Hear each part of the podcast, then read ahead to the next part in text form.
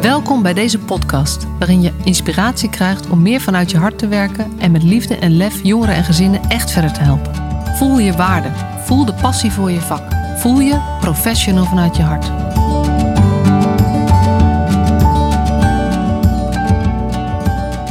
Ja, zo leuk dat je er weer bij bent bij deze nieuwe podcast. Vandaag mag ik in gesprek met Dagmar Vriends. En uh, zij uh, is nou ja, een klein beetje bekend ook wel in onze wereld. Uh, en misschien ken je haar van Teken je boodschap. of je kent haar misschien van CIS-trainingen, agressietrainingen. Uh, en zij heeft ook een prachtig verhaal, want zij komt gewoon zelf uit het werkveld. Dus ik vind het heel erg leuk om met jou uh, uh, vandaag wat meer te horen van je achtergrond en wat jou beweegt en wat je inspireert en hoe jij je energie hoog houdt en hoe jij je weg vindt in ons, nou ja, soms wat bureaucratische wereldje. Dus welkom. Dankjewel, dankjewel. En te gek dat je me uitnodigt. Ik word daar heel blij van, uiteraard. Want nou, wat mij betreft ben je ook een voorbeeld voor mij. Hè, professioneel vanuit je hart. Of professioneel, professioneel vanuit je hart. Uh, en, en wij kennen elkaar natuurlijk al wat langer. Maar uh, ik word daar blij van. Want wat is, dat is volgens mij de essentie waarop je verschil voor mensen kan maken. Ja. en ik denk dat wij dat als jeugdprofessionals moeten doen. Hè, dat, um, ja. dat, dat dat is waarvoor je in, in de jeugdzorg, maar wat mij betreft met mensen werkt. Om het verschil te maken. En, en, en jij doet dat. En, uh, en ik hoop ook een beetje mijn bijdrage te mogen doen, zeg maar. Ja, ja heel leuk. Ja, dankjewel. Maar dan weet ik al het antwoord op de vraag, maar ik ga hem toch gewoon stellen. Ben jij een professional vanuit je hart? Uh, ja, dat denk ik wel. Ik hoop in ieder geval dat mensen mij zo ervaren. Wat ik doe, vind ik waanzinnig leuk. Uh, ik word heel blij van mijn werk. En natuurlijk niet altijd, hè. Maar dat lijkt me ook heel gezond. Um, um, maar ik, ik nou, ik denk dat ik zo'n vijf jaar geleden ontslag heb genomen bij de reclassering. Ik heb elf jaar gewerkt uh, uh, in de gevangenis met name. Uh, en daar heb ik allerlei trainingen gegeven aan, aan gedetineerden. Ehm, die vastzaten voor, tas, nou, voor tasjesroof tot aan, aan moord. Um, en, en wat ik daar zeg maar het bijzondere vond is van joh, hoe kan het nou dat die ene gevangenisbewaarder één keer per week op zijn pieper drukt en die ander eigenlijk nooit? En heeft dat dan te maken met die gedetineerden? Of heeft dat dan te maken met uh, de chemie tussen beiden? En ik denk het laatste, ik ben daar heilig van overtuigd. Dus dat betekent dat jij als professional enorm veel impact kan hebben. Zowel de positieve kant op als de negatieve kant. En, um, en daar is mijn passie, zeg maar, uiteindelijk voor het werk wat ik nu doe begonnen. Dat ik op een gegeven moment dacht: oh, ik, ik wil eigenlijk ja, hopelijk grotere impact maken. En dat kan ik één op één met cliënten. Maar misschien als ik training ga geven in waar ik in geloof, uh, dan hoop ik heel veel professionals te raken. En die professionals, dat die weer cliënten raken. Uh, dus, dus dat is ook een beetje mijn, mijn missie en mijn doel. Ja. En, heel mooi, eventjes voor. Um Weet je, ik ben wel eens in een, uh, in een gevangenis geweest, maar ik denk een deel van de luisteraars helemaal niet. Want je vertelt nee. over trainingen, maar er waren ook cipiers. Hoe werkt dat in zo'n gevangenis? Hoe, hoe is dat nou echt? Wat gebeurt er met gedetineerden op zo'n dag? En, en wat, voor, nou, weet je, wat voor rollen zijn de mensen die er, hebben de mensen die er rond, rondlopen? Um, nou, wat, wat het fijne vond ik was in het begin van zeg maar, mijn carrière bij het Leger des Hels, waren er veel cipiers of uh, bewaarders bij. Alleen je zag dat dat eigenlijk niet werkte. want op het moment dat ik noem even Robin, een gedetineerde, vertelde van ja, en ik wilde echt uitkomen en ik wil mijn leven anders doen, dan hoorde je zo'n bewaarder, bewaarder zeggen, ja, maar je bent, al twaalf, je bent al twaalf keer teruggekomen, dus dat zal wel meevallen. Want even, dat, voor, de, even voor de helderheid, die cipiers, die bewaarders, het heet eigenlijk bewaarders, ja. die werken in de gevangenis. En ja. jij kwam van buitenaf ja. als gedragstrainer. Zeker. Dus ik was vanuit de, vanuit de reclassering en ik werkte dan bij het Leger des Heils, maar je hebt ook reclassering in Nederland. En wij werden zeg maar als professionals, werden we als het ware, nou ja, ingehuurd om daar training te geven. Cognitieve trainingen, uh, maar ook uh, huiselijk geweldtrainingen, uh, delictpreventietrainingen. Dus eigenlijk een soort van scholing, opleiding geven aan uh, mensen die vastzaten voor allerlei redenen. En de bewaarders of de de, uh, de PIB-medewerkers, zoals het nu dan heet, uh, die waren er voorheen altijd bij. En op een gegeven moment is dat besloten om dat niet meer te doen. En ik denk dat dat groot verschil maakt, omdat dat ook een bepaalde veiligheid geeft. Ehm, ja, en, en wat ik al zei, hè, de, e, de ene gevangenisbewaarder heeft nooit problemen en de ander wel. Nou ja, en dit vond ik altijd wel een pijnlijk voorbeeld. Dat iemand echt zegt, ik wil er iets mee. En dat iemand eigenlijk direct al zegt, joh, maar dan gaat je toch niet lukken. Want je bent hier voor de twaalfde keer terug. Ja, dan denk ik, oké, maar dan moet je misschien een andere baan gaan nemen. Ik snap dat je soms ook je hoop verliest. Want als je iemand steeds maar weer terug ziet komen. Maar ja, als je er helemaal geen hoop meer in hebt. Dan mag ook, maar dan moet je het in ieder geval niet uitspreken. Nee, dat is ook, als je kijkt naar motiverende gespreksvoering, natuurlijk een hele belangrijke uh, manier van werken is, waar we nog veel meer mee zouden kunnen doen en zouden moeten Zeker. doen. En een van de, van, van de, de basisdingen daarbij is versterkte zelfeffectiviteit, mensen in zichzelf geloven. En realiseer je, jouw uitspraak is een self-fulfilling prophecy. Ja. En natuurlijk is dat niet één op één, want er zijn uitzonderingen, maar je kan er wel van uitgaan dat als jij geen geloof hebt in degene die jij zou willen helpen of, of met wie je te maken hebt, dan gaat die ander het niet voor elkaar krijgen om die verandering eh, te laten zien. Ja. Dus ze hebben jou ook gewoon nodig. Ik denk dat veel uh, cliënten, zeg maar, veel mensen, hè, uh, ook heel vaak niet meer in zichzelf geloven. Dus dan heb je ook even die ander nodig om die, om die hoop wel weer te krijgen. Um, en, en in te zien. En als ik kijk naar mezelf, uh, ik, heb, ik, nou, ik heb best wel een, een, een, een pittige en ingewikkelde jeugd gehad. Um, en daar was toen een lerares en die heeft voor mij echt het verschil gemaakt. Um, en, want die, die luisterde naar me, die was er voor me. En uh, nou ja, die, die liet me ook zien, zo van joh, het kan anders. Uh, en ik ben er voor je. En dat heeft voor mij mijn lichtje doen, zeg maar, branden. Dat ik dacht van joh, maar dat wil ik ook. Dus ik had eerst een website samen maken met verschil. Ik ben tot op heden ben ik deze docenten nog steeds dankbaar. Ik heb ook om de vier, vijf jaar stuur ik er weer eens een kaartje. Um, om te laten weten hoe het gaat. Omdat dat zoveel impact op mij heeft gehad. En daardoor realiseerde ik mij ook dat je dus heel veel verschil kan maken voor één iemand. En, en zij heeft mij wel een deel van uh, mijn leven eigenlijk als het ware weer teruggegeven. Ik blode heel veel van mijn dertiende tot mijn zestiende. Dus dan moest ik soms even een blootje roken om te weten of ik, of ik eigenlijk nuchter was of niet. Nou, dat is best wel ongezond hè, op die leeftijd. En ik was eigenlijk ook wel een beetje de weg kwijt. En, uh, en zij heeft mij wel weer op het rechte pad gekregen. Terwijl een vriendin van mij uh, destijds, die, die is in de prostitutie terechtgekomen. Uh, dus, dus ik heb een andere afslag kunnen maken. En ik weet zeker dat zij daar een bijdrage in heeft gehad. ja, dat is eigenlijk wat je in de, in de gevangenis ook zag gebeuren.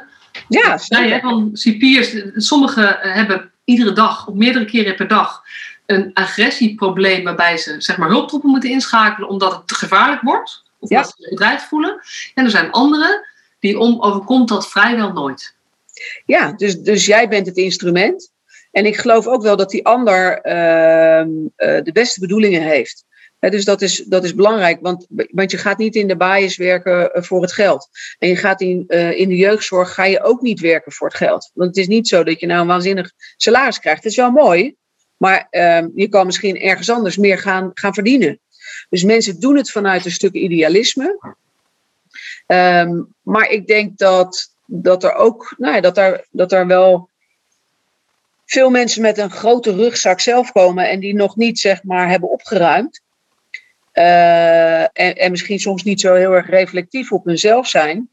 Waardoor ze misschien niet eens doorhebben wat, um, ja, wat er in die interactie met die ander gebeurt. En dat is iets waar, ja, waar ik energie van krijg om mensen te laten zien. Zo van, hé, hey, uh, je bent zelf, ben je oké? Okay? En heb je door wat voor effect dat heeft op die ander. En volgens mij is dit niet wat je wil. Ja. En uh, om even de, de lijn op te pakken. Toen, dat is wat je, daar wil je wat mee. En dat is CIS-trainingen geworden. Ja, Something Inside So Strong. Omdat ik geloof dat uh, als je de, de juiste omstandigheden voor iemand creëert, zeg maar, dan kan die weer tot bloei komen. Uh, en als je blijft geloven, en dat geloof ik, ik geloof dat er in iedereen wat, iedereen wat goed zit. Dus als je dat zeg maar weet te pakken en uh, weet aan te steken, ja, dan, dan wordt het vuur heel groot. Ja. En, um, ja, het mooie vind ik daarbij, dat kan bij iedereen beginnen. Dus ook bij mij, het kan beginnen ja. bij jou en het kan beginnen bij, bij iedere luisteraar. Um, uh, dus, dus je weet alleen nooit van tevoren bij wie dat zo zal uitpakken. Dus, dus wat je kunt doen is zo tegenover iedereen gaan staan. Iedereen op deze manier benaderen. En eigenlijk de overtuiging hebben, ook jij kunt uit deze shit komen. Zeker.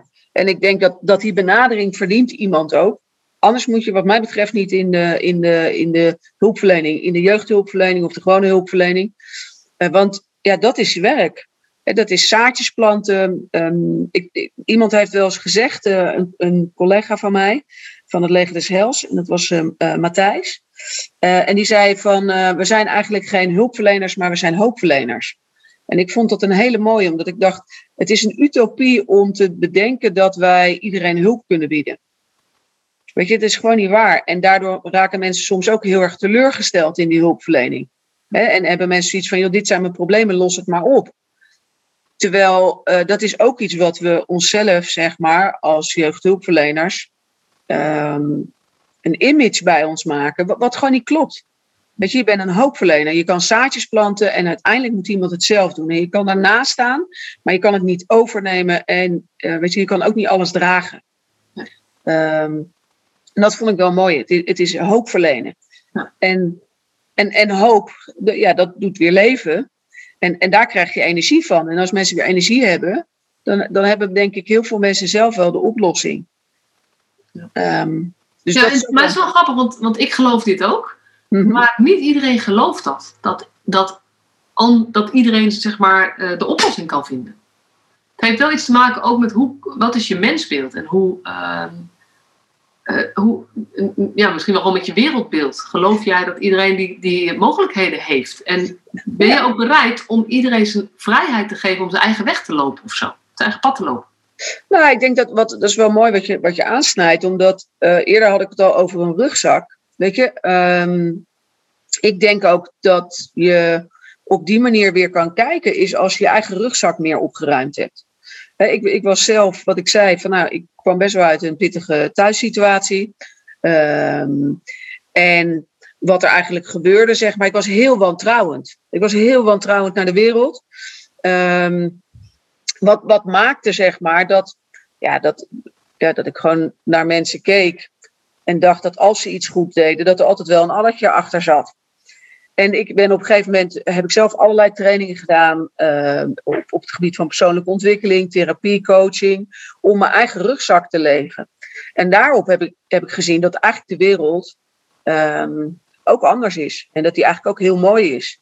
En natuurlijk zul je altijd voor een deel klein, uh, mensen tegenkomen die je beschadigen of die je pijn doen. Maar het allergrootste uh, gedeelte zijn eigenlijk mensen die gewoon van mensen houden en die met elkaar samen willen leven, zeg maar.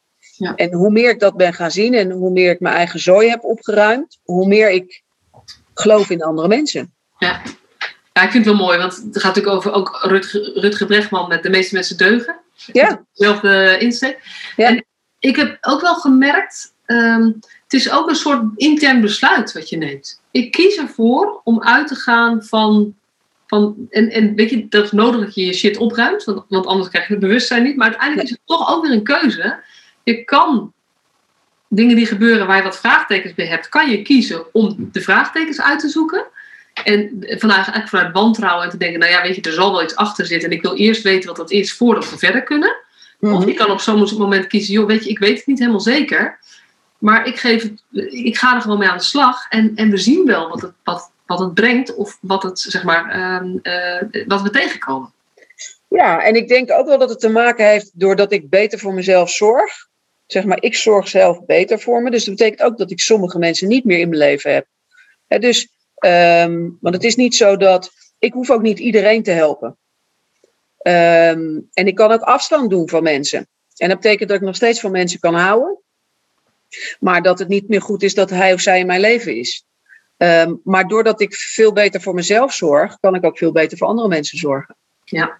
En heb ik ook veel meer energie over voor die ander. Ja, ja.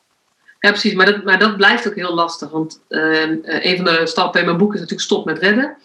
Dat gaat ja. ook daarover, weet je, laten we, laten we de ander niet gaan redden. En uh, als je dat, uh, als je dat nou, als ik er meer over vertel dan in mijn boek staat, zeg ik eigenlijk, wat we moeten doen is minder accent op de ander leggen en meer accent op onszelf leggen. Ja, zeker. En het gaat over ontdekken hoe werkt het bij jou, maar wat is voor jou belangrijk, wat zijn je drijfveren, maar wat zijn ook je grenzen, wat is niet goed voor jou en hoe zorg je dan voor jezelf. En als ze dat beter doen, komt er meer ruimte voor de ander. Daar ben ik het helemaal met je eens. Roerend met je eens zelfs. Kijk, ja, Maar het is wel, ik, ik, ik heb van de week, uh, vorige week gaf ik een training en nou ja, de mensen waren erg enthousiast. Het was, uh, ja, ik wil er niet veel over zeggen waar precies, want, maar er was er één iemand in de groep die zei, ja, het klinkt allemaal wel heel mooi, maar het, je moet wel oppassen, want het wordt egoïstisch. Dus er, er zijn ook mensen die vinden als je praat over voor jezelf zorgen, waarbij we dus eigenlijk snel het gevoel krijgen dat dat egoïstisch kan worden. Dus het, het, is wel iets waar je met elkaar over moet hebben, want ik geloof dat het iets heel anders is. Ja, ik denk dat dat twee andere dingen zijn. Want op het moment dat ik goed voor mezelf zorg, kan ik daarmee goed zorgen voor mijn gezin. Uh, dus eigenlijk, ik, noem dat wel eens in trainingen ook uh, het mondkapje opzetten. Weet je, op het moment dat, uh, dat er iets gebeurt in het vliegtuig dan, dan, en het mondkapjes komen naar beneden in verband met turbulentie, dan heb je het gevoel, die wil je natuurlijk als eerste op je kind, uh, aan je kind geven. Terwijl dan kan je niet meer het overzicht bewaren. Dus je hebt hem eerst zelf nodig. Je moet eerst jezelf redden en dan kan je andere mensen redden. En ik denk wel eens, en ja, dat, dat zeker in jeugdhulpverleningsland mensen hun eigen thema's meer zouden moeten aankijken. Dus ga maar eerst met jezelf aan de slag, leer jezelf heel goed kennen. En doordat je jezelf heel goed leert kennen, kan je ook veel beter bij die ander blijven. Hoef je de emotie van die ander ook niet helemaal over te nemen. Want dat is vaak dat reddersyndroom wat je hebt. En ik denk dat op het moment dat je zelf heel krachtig bent en meer bij jezelf kan blijven, uh, dat je ook het voorbeeld kan zijn, of bent juist, voor ja, voor, die, voor die jeugdigen, voor die, voor die ouders. Ja. Ehm, omdat je jezelf beter kent. En wat mij betreft is daar niks egocentrisch aan. Nee, nee en wat een onbedoeld bij, weet je, en als je eigenlijk iemand graag wil helpen, en dat doe je door dingen over te nemen of dingen voor hem te regelen of te doen uh, wat ook lijkt dat nodig is, dat, dat geeft best wel een fijn gevoel voor de korte termijn aan twee kanten. Maar wat er gebeurt feitelijk, is dat de ander nog een keer bevestigd krijgt, zie je wel, ik kan het niet zelf. Dus je bedoelt het ontzettend goed. Maar het, het onbedoelde bijeffect is dat iemand minder vertrouwen in zichzelf krijgt in plaats van meer. Ja. Je kan hem beter zelf laten, laten we noemen, bijna laten aanmodderen. En hem helpen om zijn eigen modderweggetje te vinden. Ja. Dat is krachtiger op lange termijn dan, uh, dan ja, grote stappen snel thuis. Het even oplossen omdat jij wel de wegen kent. Ja, er zijn uitzonderingen als je. Weet je, soms, sommige situaties moet je even ingrijpen. Maar in het algemeen is, is, is overnemen um, niet, zo motiv zeg maar, niet zo motiverend en bekrachtigend voor mensen. Ja, en ik denk ook, weet je, je hebt wel zo'n mooie uitspraak, vind ik. Uh, is dat je iemand een hengel moet geven in plaats van vis. Uh, en ik denk, soms moet je de vis geven, want dan heb je niks aan een hengel. Weet je, op het moment dat iemand geen kracht heeft uh, om, om te hengelen, uh, of, of dat te leren, dan moet je eerst zorgen dat hij even gegeten heeft. Uh, maar daarna moet je hem wel heel snel leren hengelen. Ja. En, en op een gegeven moment zijn we daarmee doorgeschoten. Dus of het is het een of het is het ander. En dat ik denk, ja, je moet gewoon vooral goed kijken. Wie heb ik voor me? Wat is er nodig? Um, en wat is, wat is daadwerkelijk waar ik die ander echt mee ga helpen? Ja, ja precies. Wat, weet je, wat helpt de ander het meest om een stap vooruit te zetten? Ja. En dat is en dus niet wat helpt de ander het meest verder, maar wat helpt de ander het meest om zelf een stap vooruit te zetten. Dat is eigenlijk de, en soms is dat door te laten zien, weet je, eh, hier heb je voeding, zodat je de energie hebt om letterlijk gewoon die stap weer te zetten. Ja. En soms is dat vooral niets doen, omdat als jij iets doet, de ander vooral zelf niet in beweging komt. Ja. Dat zijn hele mooie dingen, uh, deze thema's. Uh, en belangrijk ook. En eigenlijk hebben we het er best wel weinig over, vind ik. Ja, en ik denk dat dat ook wel. Uh, weet je, er is natuurlijk zoveel gaande in de jeugdzorg. En, uh, nou ja, en, en ik zie dat met uh, leden ogen aan als je dat zo zegt. Ik weet niet hoe je het precies zegt. Maar ehm, dat, is, dat vind ik heel heftig. En tegelijkertijd eh, ik ben al drie jaar geleden heb ik op het Malieveld mogen, mogen praten, zeg maar, bij de staking. En toen vertelde ik ook hè, dat mijn vrouw en ik zelf eigenlijk naar de jeugdhulpverlening moesten voor onze kinderen. Ehm, maar dat hebben we uiteindelijk niet gedaan. De eerste wat ik dacht, zeg maar, was van we gaan niet naar de reguliere hulpverlening. En toen dacht ik, dat is toch eigenlijk erg? Dat ik dat zelf als ouder dat ik denk, nee, dat, weet je, we gaan wel op andere manieren gaan we hulp zoeken. Want wij kennen natuurlijk veel mensen binnen, nou ja, binnen de jeugdhulpverlening, psychologen, psychiaters, coaches. Dus uiteindelijk hebben we dat gedaan voor onze kinderen. Maar dat vond ik wel heftig om te merken. Want ik denk, ik ben gepassioneerd over het werk. En, maar tegelijkertijd ja, blijf ik daar ook wel bij staan, is dat het vooral gaat over ehm, veel jonge mensen ook in de, in de jeugdhulpverlening, die zoveel uh, keuzes kunnen maken voor ouders. Terwijl ik wel eens denk, oh, verplaats je nou eerst echt in die ouder. Hè? Um, voordat je je boek erbij haalt. Wees echt met die ander. Um, en, en dat is professional met je hart volgens mij. Is, is los van wat je allemaal geleerd hebt, maar echt te voelen. En, en ik vind het wel mooi. In mijn training zeg ik altijd, je hebt drie niveaus van luisteren. Het eerste niveau is uh, horen wat er gezegd wordt. Nou, dat doe je alleen met je oren. Het tweede niveau is begrijpen wat er gezegd wordt. Dat doe je met je oren en met je hersenen. En, en dan heb je contact hè, met mensen. Um, maar als je echt verbinding wil maken, dan moet je begrijpen wat er bedoeld wordt. En dat doe je met je hart, met je ogen, met je hersenen en met je oren. En ik, ja, hoe lullig ik dat ook vind, want ik geef veel professional self-training natuurlijk. Um, maar ik denk dat de meeste mensen op niveau 1 en 2 luisteren. Op contact. Maar helemaal niet op verbinding. En mensen luisteren vaak van wat kan ik terugzeggen.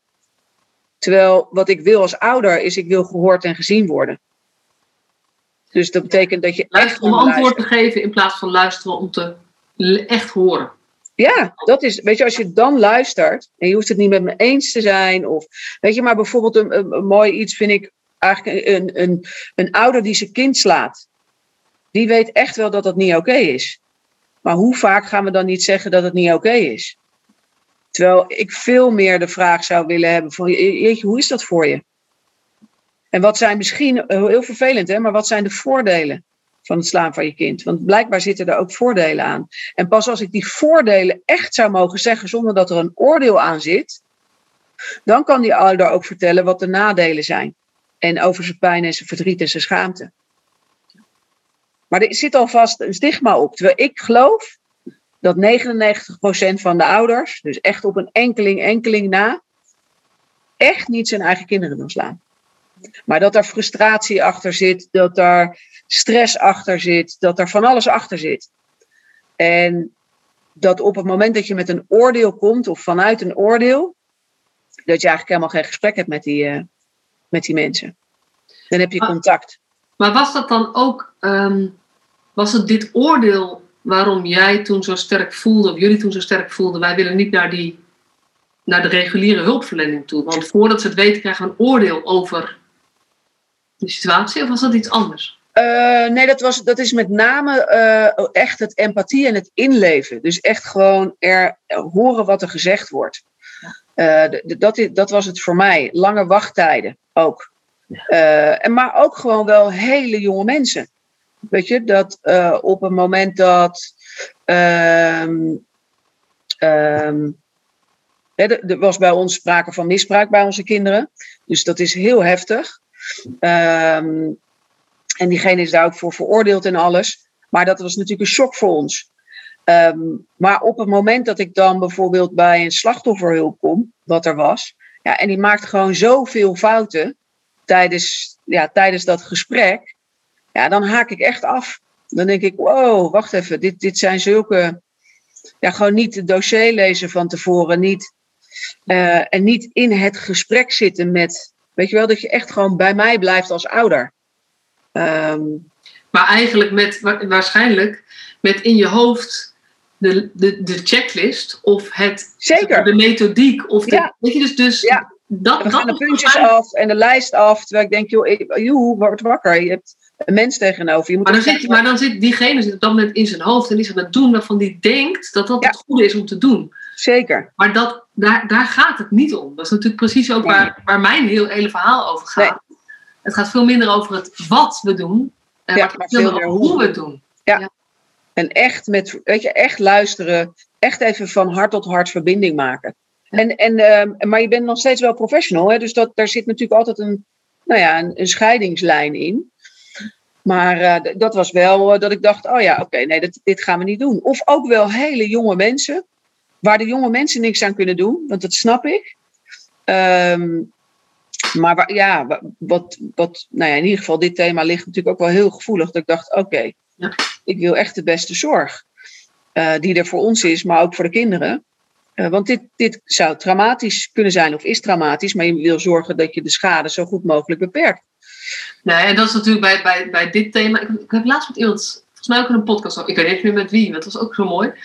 Misbruik is zo heftig voor heel veel ja. mensen, dat mensen er zelf eigenlijk niet, zeg maar, dat ook een deel van de professionals het eigenlijk te heftig is om over te praten. Ja. En als dat zo is, kan je niet een gezin helpen dat ermee te maken heeft. Dat, dat geeft niet. Maar nee, weet het dan? Maar dat is ook professionaliteit, hè? Door echt te zeggen, hé, hey, of, of desnoods te zeggen van, goh, weet je, laat me weten of dit gesprek fijn voor u is. He, want waar het mij om gaat, is dat u zich gezien en gehoord voelt. Dat is al heel anders dan daar eigenlijk zitten met een heel ja. ja checklist. En dan voel ik me eigenlijk veel meer een BSN-nummer. Of, uh, en, dat, en dat wilde ik niet. En ik heb de luxe dat ik dat kan doen, omdat ik veel mensen ken en ehm, dus niet per se gebruik hoef te maken van de reguliere hulpverlening. Maar ik, ik vond dat wel shocking. En ik had laatst bijvoorbeeld een, uh, bij een grote organisatie gaf ik een lezing met, nou wat is het, 90 mensen. En op een gegeven moment hadden we het over dat iemand zei van, nou ja, we halen een score uh, van gemiddeld een 7 voor onze dienstverlening. En uh, nou ja, vind ik eigenlijk wel goed. En ik dacht, hè, een 7? Maar serieus, dat kan toch niet? En toen zei iemand anders, ja, maar het is tenminste geen 6. En toen dacht ik wel, oeh, maar dit is echt, dit vind ik, dit is tenenkrommend. Want wat mij betreft bij ons uh, moet het gemiddeld uh, boven de 8 zijn. Of tot zelfs tot een 9. Want je moet verschil maken. Weet je, je, je wil verschil maken in iemands leven. En een 7 is gewoon not good enough. Hoe lullig ook.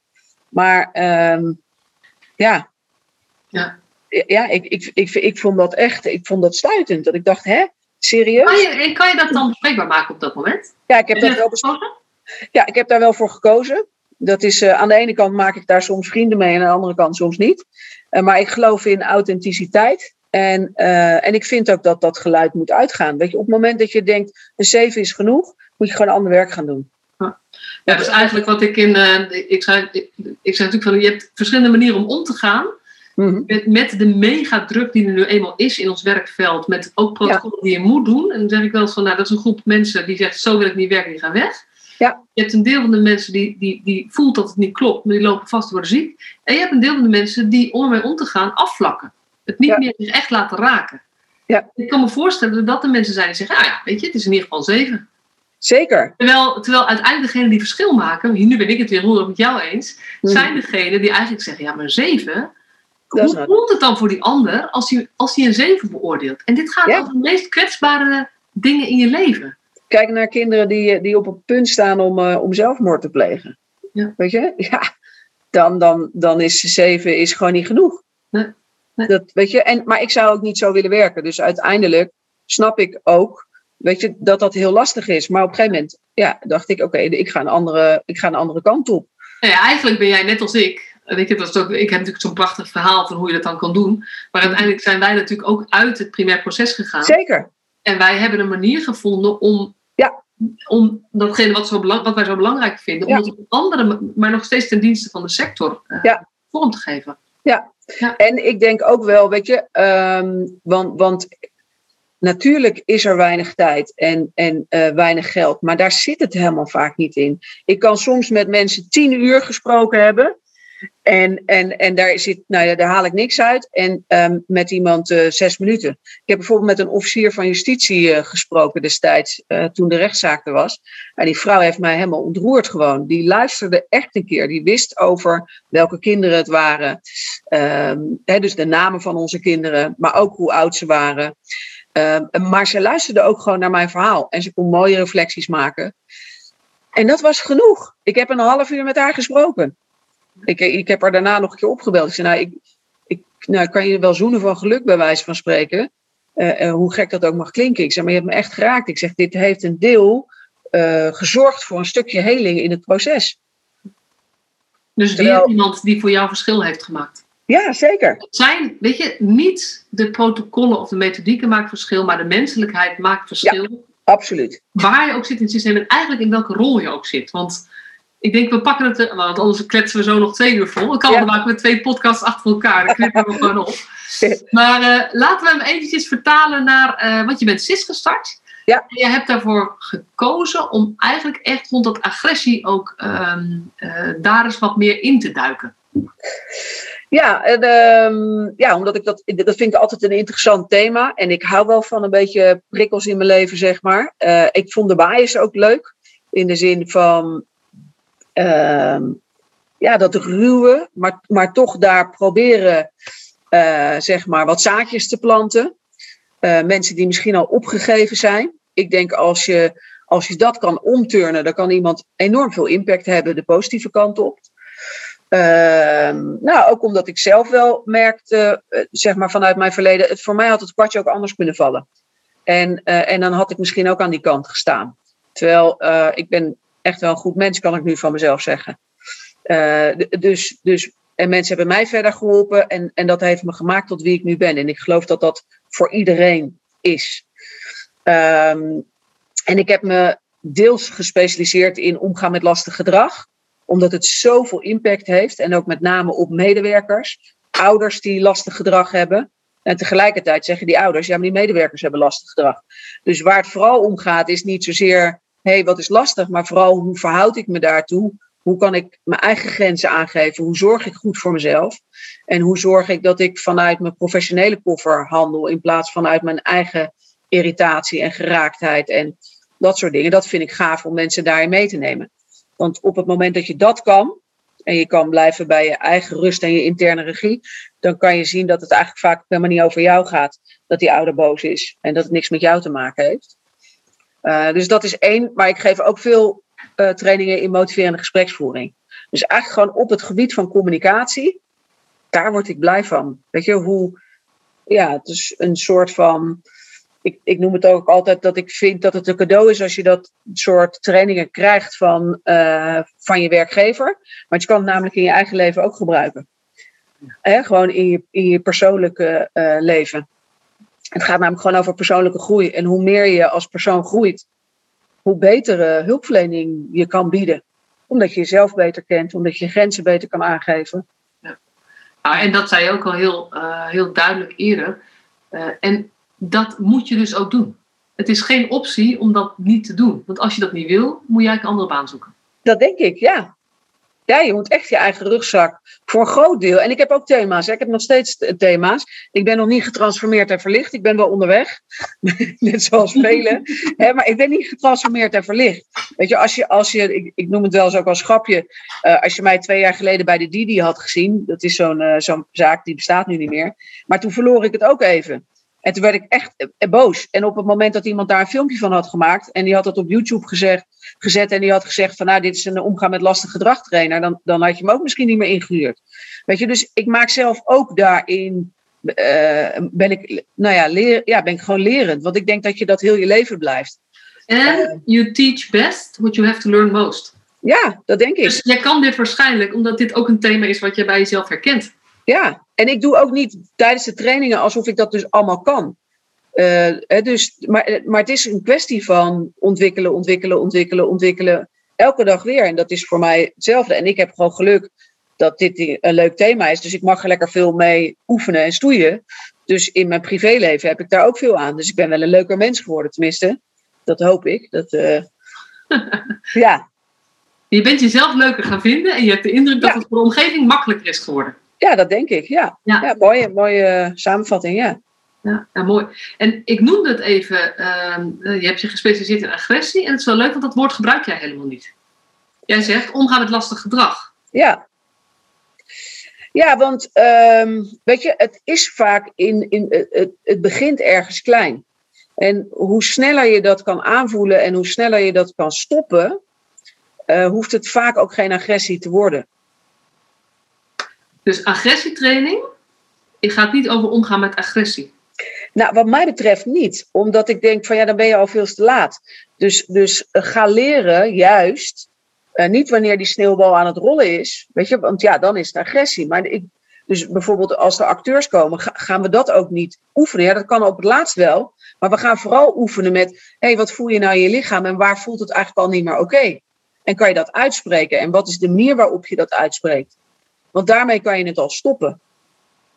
maar dat is ook een andere insteek dan de-escalatietechnieken. Die natuurlijk, weet je, dat, dat zijn professionele tools. Ja.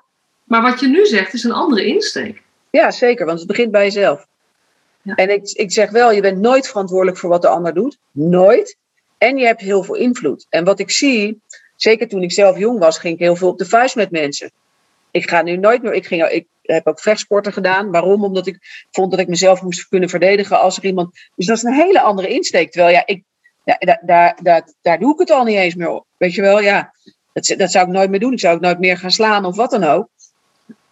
Of, of uit zelfverdediging, maar nooit meer op die manier. En dat zag ik ook wel bij de gevangenis. Weet je, die gevangenisbewaarders, die, nou ja, die trainden zich helemaal gek. Die waren twee keer zo breed als de gedetineerden. En dat ik dacht, ja, maar wat straal je nu uit? Ja, ik bedoel. En wat stralen, wat stralen ze uit? Nou, dat zijn gewoon spiegelneuronen. Want hoe meer jij je oppompt, hoe meer ik het gevoel heb dat ik me groot moet maken. Terwijl dat is waar je uit wil komen met elkaar. Je wil met elkaar dat gesprek hebben. Je wil elkaar beïnvloeden op een positieve manier. Je wil laten zien aan gedetineerden dat dat niet eh, de manier op is waarop ze kwaliteit van hun leven gaan krijgen. Ja, ik ga je even stoppen. Want je zegt, het zijn gewoon spiegelneuronen. Dus als jij je oppompt, pompt de ander zich ook op. Ja, zeker. Gedrag kopieert. Ja, absoluut. En dat zegt niet ik, dat. Ik zit even de link met, uh, weet je, ik, ik geloof heel erg in uh, de kracht van kwetsbaarheid. Ja, zeker. Maar dit is natuurlijk precies hetzelfde. Het is, je kan kiezen of je laat zien dat je krachtig bent en je laat je niet, dat je je niet laat intimideren en dat je heus wel overeind blijft en dat als het nodig is dat jij wint. Ja. Of je laat zien, hé hey joh, ik ben ook een mens en we zullen hier samen uit moeten komen. Ja. Um, het is geen, dus dat, dat, is een soort van de keuze. En, en, de keuze die jij dus als mens maakt, als professional, ja. heeft effect op de reactie van de ander. Duizend procent. En nogmaals, je bent nooit verantwoordelijk voor, want er zal, er zal altijd ook iemand zijn, dat maakt niet uit hoe, hoe je je opstelt, dat iemand toch doet wat hij doet. Hè? Uh, maar in heel veel gevallen, en wat mij betreft extreem veel gevallen, werkt dat gewoon zo. Absoluut. Als jij kwetsbaar opstelt, doet de ander dat ook. En ook in de gevangenis heb ik me tot op, tot op een bepaalde moment heb ik me wel kwetsbaar opgesteld. En natuurlijk altijd wel um, kwetsbaar waarin ik niet volledig geraakt kan worden. Want dan, dan gaat het niet meer over professionaliteit. Um, en ook, ook begrenzen. Precies. Ook begrenzen. Uh, kwetsbaar, kwetsbaar, je kwetsbaar opstellen betekent niet alleen maar huilen en zeggen dat jij het niet weet. Nee, helemaal dat is niet. iets heel anders. Dat is iets heel anders. Maar kwetsbaarheid is vanuit interne regie. En interne regie wil zeggen dat je achter jezelf staat. En dat je oké okay mee bent met je eigen kwetsbaarheid of met je eigen onzekerheid. En dan is het eigenlijk helemaal niet, niet heel veel kwetsbaar meer. Zodra, zodra ik het accepteer, uh, is, is dat gedeelte wat mij betreft, wordt je kracht. En, nou is het, weet je, jij kan die keus, in ieder geval maatschappelijk gezien, we Mhm. mogen het niet meer hebben over verschil tussen mannen en vrouwen. Maar toch is het voor een vrouw van 1,62 meter een ander Ja. soort keus dan een breed gebouwde eh, man van, eh van 1,95 meter, zeg maar. Ja. Heb je daar ervaring mee in jouw trainingen? Ook, ook hoe dat is voor, voor mensen die gewoon fysiek sterk zijn. En ook fysiek sterk overkomen. En ook ja, dan toch maar even die mannelijke energie eh, eh, heel sterk hebben. Zeg hoe, hoe, hoe is dat voor hen als jij het hierover hebt? Ehm, nou, kijk, in de bias is dat wel lastiger destijds. Omdat mensen ook zoiets hadden van, ja, weet je, ik ben geen mietje. En als ik me hier, zeg maar, voor hun gevoel mieterig opstel, dan eh, delf ik het onderspit. Ehm, terwijl wat je ziet is dat, dat eigenlijk alle ego's tegen elkaar gaan opboksen. En dat ze eigenlijk allemaal zichzelf niet meer kunnen zijn. Dus dat was wel mijn uitgangspunt tijdens een training, om ervoor te zorgen uh, dat deels, hè, want ik, ik heb niet de utopie dat ze nou in de gevangenis helemaal open zijn. Uh, simpelweg omdat als wij weg zijn. Ik heb mezelf bijvoorbeeld een keer laten opnemen in een dak- en voor mijn scriptie. Uh, en en um, nee, de, eh, omdat ik gewoon wilde ervaren hoe is dat dan? Dat je afhankelijk bent van andere mensen enzovoort enzovoort. En wat ik het bijzondere vond was één groepslid die zette keihard radio aan. En uh, vervolgens kwam daar een, uh, een collega, of nou ja, het was toen geen collega, maar een groepsleider. En die zei: Wie heeft dat gedaan? Nou, iedereen was stil. En op een gegeven moment zei hij: Oké, maar als, als niemand het gedaan heeft, dan gaat, die, dan gaat het gewoon een week, gaat die stereo weg. En toen dacht ik: Ja, maar je denkt toch niet dat ik het ga zeggen? Want als ik het zeg, jij bent er maar een paar uur, dan ben je uit dienst. Maar Ilko, degene die hem keihard heeft gezet, die is daar, die is daar de hele tijd. Dus die gaat mijn leven zuur maken. En dus uh, natuurlijk ga ik dan diegene niet verlinken. Dus dat is in de basis natuurlijk ook zo. Maar in het groepje wat je met elkaar had in de trainingen probeerde ik dat wel. En ik denk dat dat uh, heel vaak wel goed gelukt is. Door zelf ook een beetje kwetsbaar te zijn. Dus ook hierin, het begint, het begint bij jouw eigen keuze. Ja. Hoe ga ik dit doen? Hoe ga ik in deze of je nou trainer Zeker. bent, of je bent nou uh, bewaarder, of je bent nou uh, IPW'er, is het? PIW'er? PIW'er. Of je ja. bent nou groepsleider, jeugdzorg of, of gezinsvoogd, jeugdbeschermer. Eigenlijk elke keer weer is het, is het de moeite waard om uh, na te denken en te reflecteren op hey, wat is, hoe stap ik dit gesprek in? Hoe stap Zeker. ik dit moment in? En hoe kan ik authentiek zijn, eerlijk zijn, maar wel professioneel? Ja. Dus dat is, dat is belangrijk. Er zit wel een verschil tussen de, de dag maar zeg maar privé en de dag maar zakelijk. In de kern niet, want dan ben ik gewoon hetzelfde. Maar ik heb bijvoorbeeld thuis een joggingbroek aan en op mijn werk niet. Dus daar zitten, daar zitten wel een aantal dingen in. En er zijn ook grenzen over wat ik over mezelf zeg. Waarom? Omdat ik daarmee de ander niet dien. Snap je? Het moet niet over mij gaan, het moet wel over die ander gaan. Was het die weet je, en, dat, en die grens ligt ergens anders op het moment dat jij een training geeft aan uh, professionals dan wanneer je in de bias werkt met. Zeker, ja, absoluut. Dus dat is ook weer situatieafhankelijk. Zeker. Ja. hey, ik, uh, we zijn al drie kwartier aan het praten.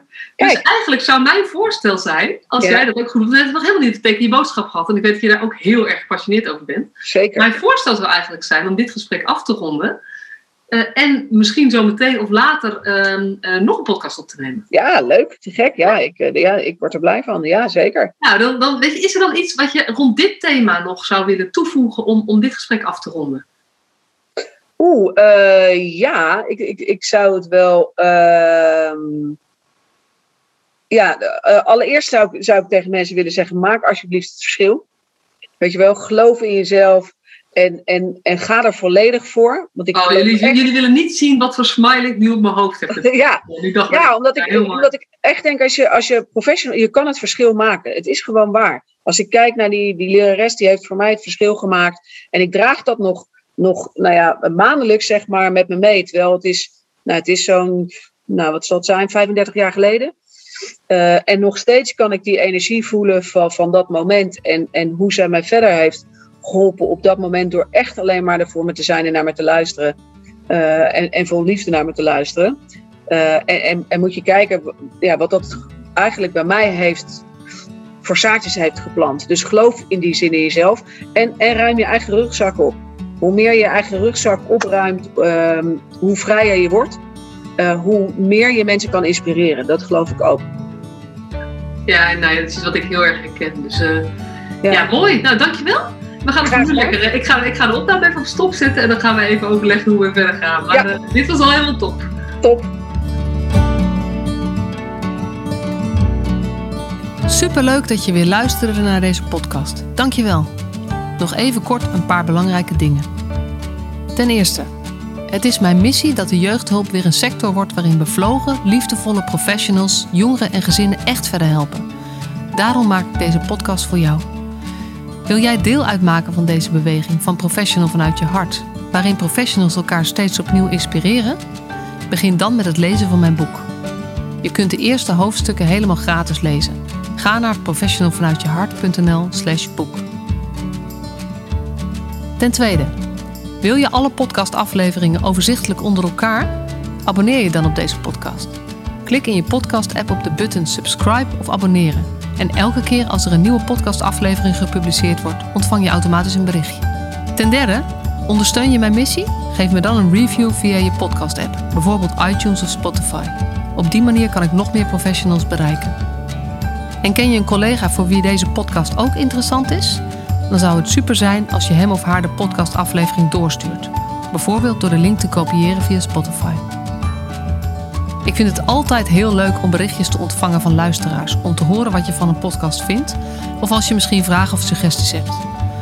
Of als een aflevering je een bepaald inzicht heeft gegeven of er iets in beweging is gekomen. Stuur me dan even een berichtje op masha.professionalvanuitjehart.nl via de website of stuur me een connectieverzoek op LinkedIn.